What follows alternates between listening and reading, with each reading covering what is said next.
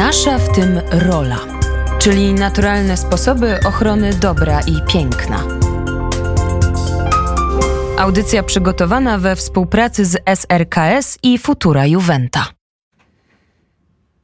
E, witam Państwa bardzo serdecznie. Kłania się Konrad Mędrzecki. Kolejny odcinek e, audycji Nasza w tym rola. A dzisiejszy temat e, lokalne spółdzielnie wytwórców. Przyszłość czy mit, a moim i Państwa gościem jest pan Mateusz Perowicz, ekspert w Centrum Analiz Klubu Jagiellońskiego do spraw patriotyzmu gospodarczego. Tak wyczytałem, pięknie to brzmi. Dzień dobry. Dzień dobry.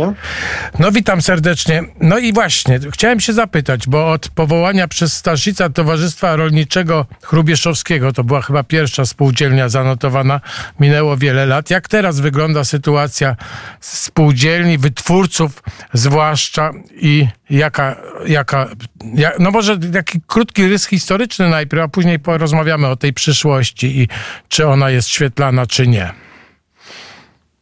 A więc mm, mało mówi się o tym, jak duże tradycje mamy y, właśnie w dziedzinie spółdzielczości, bo przed, przed wojną y, mieliśmy naprawdę spore osiągnięcia w tej dziedzinie e, za sprawą Romualda Mielczarskiego. To można powiedzieć taki e, ojciec polskiej spółdzielczości i e, który, który jakby zbudował tą markę z połem, która dzisiaj jeszcze jest widoczna na wielu miejscach. Wymyślił oczywiście ten, ten slogan e, z, z, ktoś inny, ale Romuald Mierczarski doprowadził do integracji rozproszonych e, po całym kraju spółdzielni. Mm, w szczytowym momencie w 1926 roku do kierowanego przez niego ruchu należało ponad 850 stowarzyszeń, 1670 sklepów, które łącznie miały 550 tysięcy członków.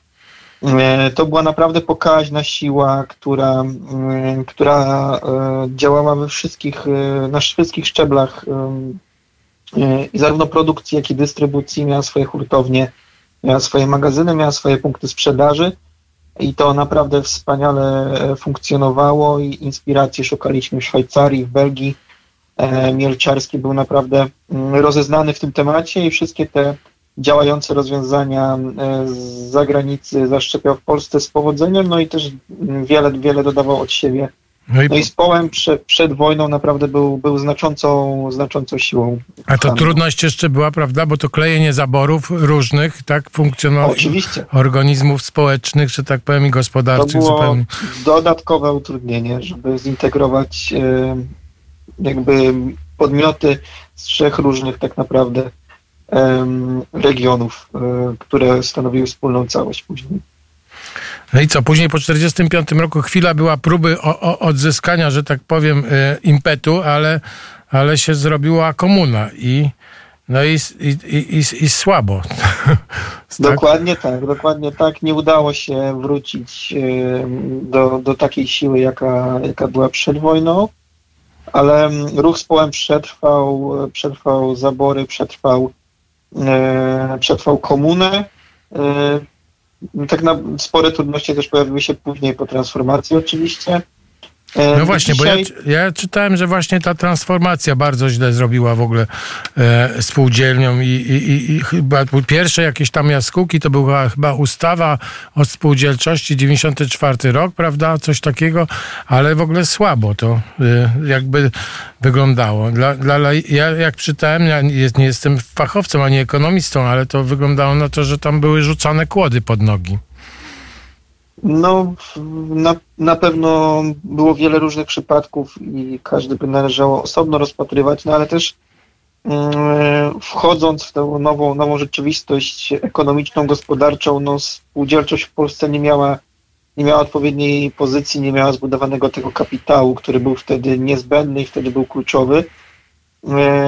No i oczywiście znamy wszyscy dobrze tę historię, że często kluczowe aktywa zostały przejęte przez e, kapitał zachodni, e, bo w Polsce go nie było i, i jakby ta pozycja dodatkowo była, była osłabiona.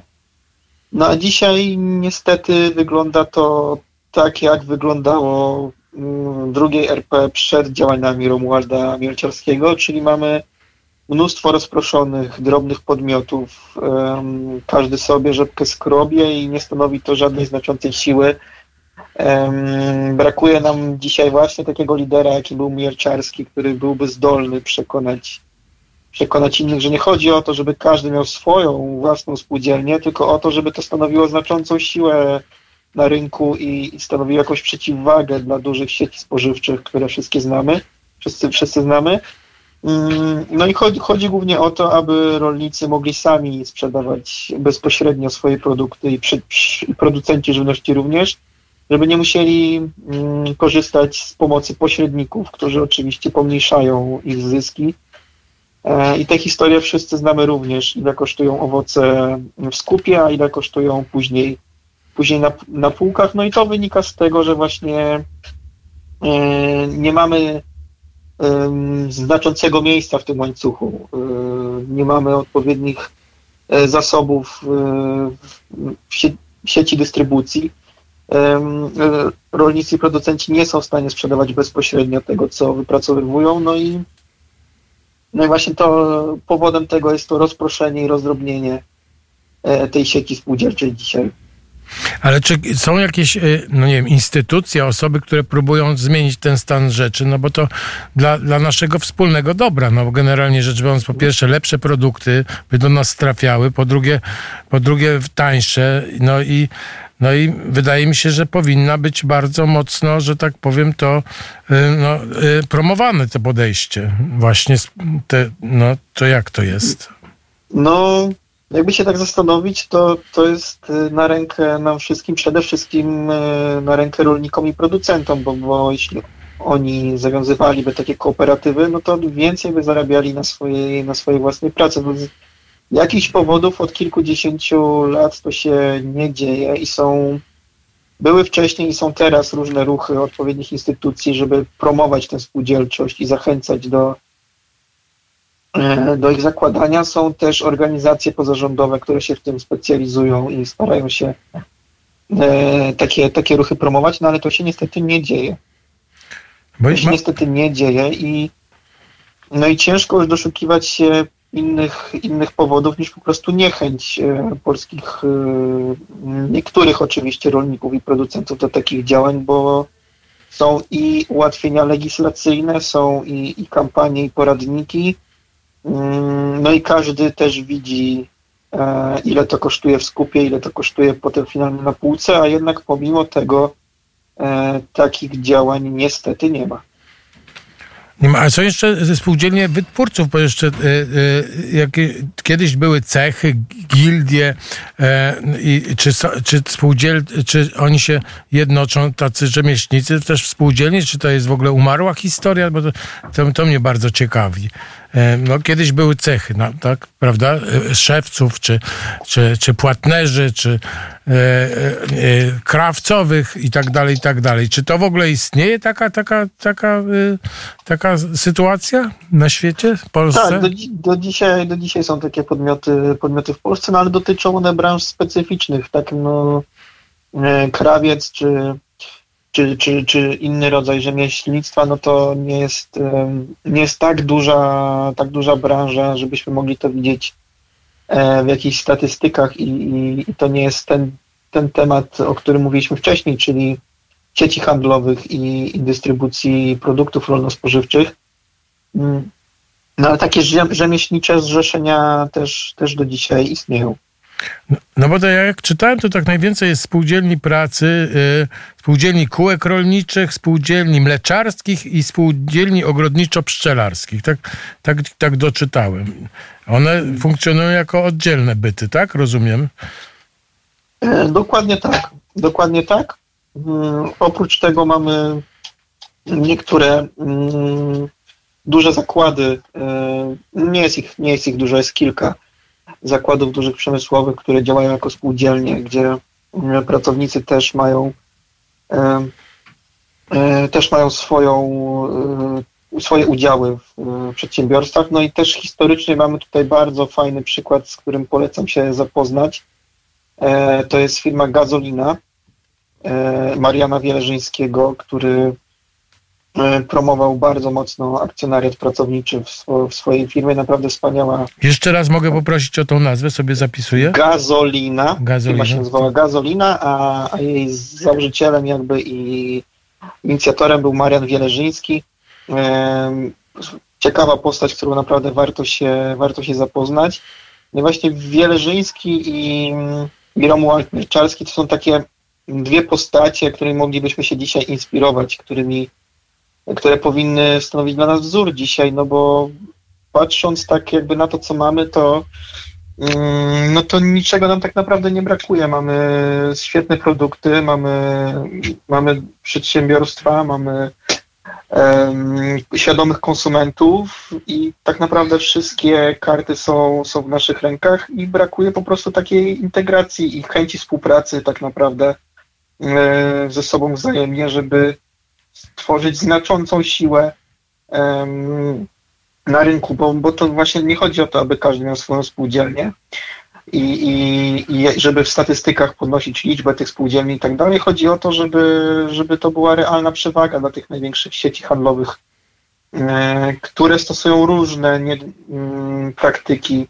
E, często przedsiębiorcy polscy skarżą się na, na, na, te praktyki, dlatego ta alternatywa dla tych sieci jest się bardzo, bardzo potrzebna. No ja też tak uważam. Nie wiem, czy to można w tych kategoriach e, rozpatrywać. Ja pamiętam, jak byłem we Włoszech, e, to co tydzień przyjeżdżało, e, przyjeżdżali producenci właśnie do do Asyżu i, i oni rozstawiali się na tydzień. Wszyscy zrobili tam zakupy. Nie w Lidlach, nie w tych, nie w takich dużych sklepach, tylko przyjeżdżały raz na tydzień właśnie producenci jabłek, e, ubrań i, i wszystkiego i na ulicach sprzedawali. Wszyscy czekali na ten dzień i oni pewnie są jakoś zorganizowani w ten sposób, ale to był taki dzień, kiedy oni, e, wiadomo było, że przyjadą i wszyscy kupowali no, ziemniaki na, na, na, na cały tydzień i owoce, i mięso, i sery przeróżne i była cała ulica ulica zastawiona straganami, to, to bardzo mi się podobało. Pewnie to jest rodzaj takiej spółdzielczości, tak? Pewnie e, rozumiem. Z, pe z pewnością tak i mm, no i właśnie w innych krajach to, o czym tutaj my mówimy, jest dość oczywiste i nie wiem, czy w Norwegii, czy we Włoszech, no nie do wyobrażenia jest taka sytuacja, żeby, żeby wśród dziesięciu największych sieci handlowych nie było ani jednej z krajowym kapitałem, a, a taką sytuację mamy, mamy w Polsce. 10 e, największych sieci to jest w zdecydowanej większości kapitał zagraniczny. No i ostatnio ukazał się raport, który jednoznacznie podkreśla, że to jest ewenement w skali Europy, że w żadnym innym kraju udział sieci handlowych nie jest e, aż tak duży. No i co ciekawe, ten raport wskazuje jakby przyczynę tego i, i jak tym sieciom udało się taką pozycję zbudować i, i ten powód jest teoretycznie banalny, bo chodzi o programy lojalnościowe, to jak te sieci nas przyciągają do siebie i czym nas do siebie przyciągają. E, I ta świadomość, że dostaniemy jakiś rabat, e, kod zniżkowy czy coś takiego jest e, dla Polaków bardzo, bardzo cenne. No i właśnie gdybyśmy chcieli taką społeczną kooperatywę budować, to o takich banałach też trzeba, trzeba pamiętać, bo bo właśnie mm, ten raport wskazuje jednoznacznie, że właśnie takie narzędzia są przez konsumentów w Polsce pożądane i tego właśnie dzisiaj byśmy bardzo potrzebowali. To ja po, potrzebuję teraz słuchacze światełko w tunelu, bo już musimy powoli kończyć. Jakby pan powiedział, gdzie, gdzie widzimy nadzieję i, i, i gdzie, gdzie, że tak powiem, e, dmuchamy, że tak powiem, w którą stronę.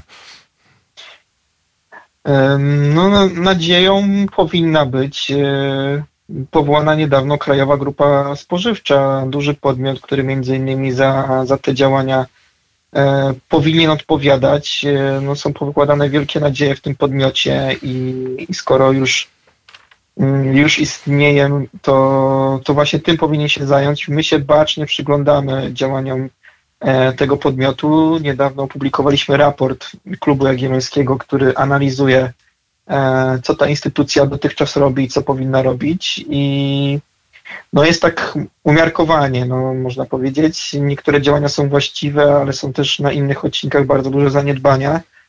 E, no ale mm, przez kilkadziesiąt lat widzieliśmy, że, że samo istnie to się nie zadziało, więc potrzebujemy dzisiaj podmiotu, e, który by te zadania integrował i, i, i pomagał tą spółdzielczość budować. No i nie ma na horyzoncie dzisiaj lepszego, lepszego lepszej perspektywy niż Krajowa Grupa Spożywcza. No i mamy wielką nadzieję, że te dociągnięcia, których my często piszemy, zostaną nadrobione.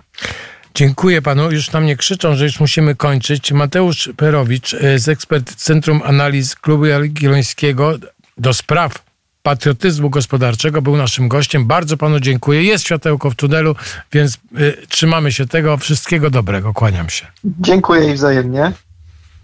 Nasza w tym rola, czyli naturalne sposoby ochrony dobra i piękna.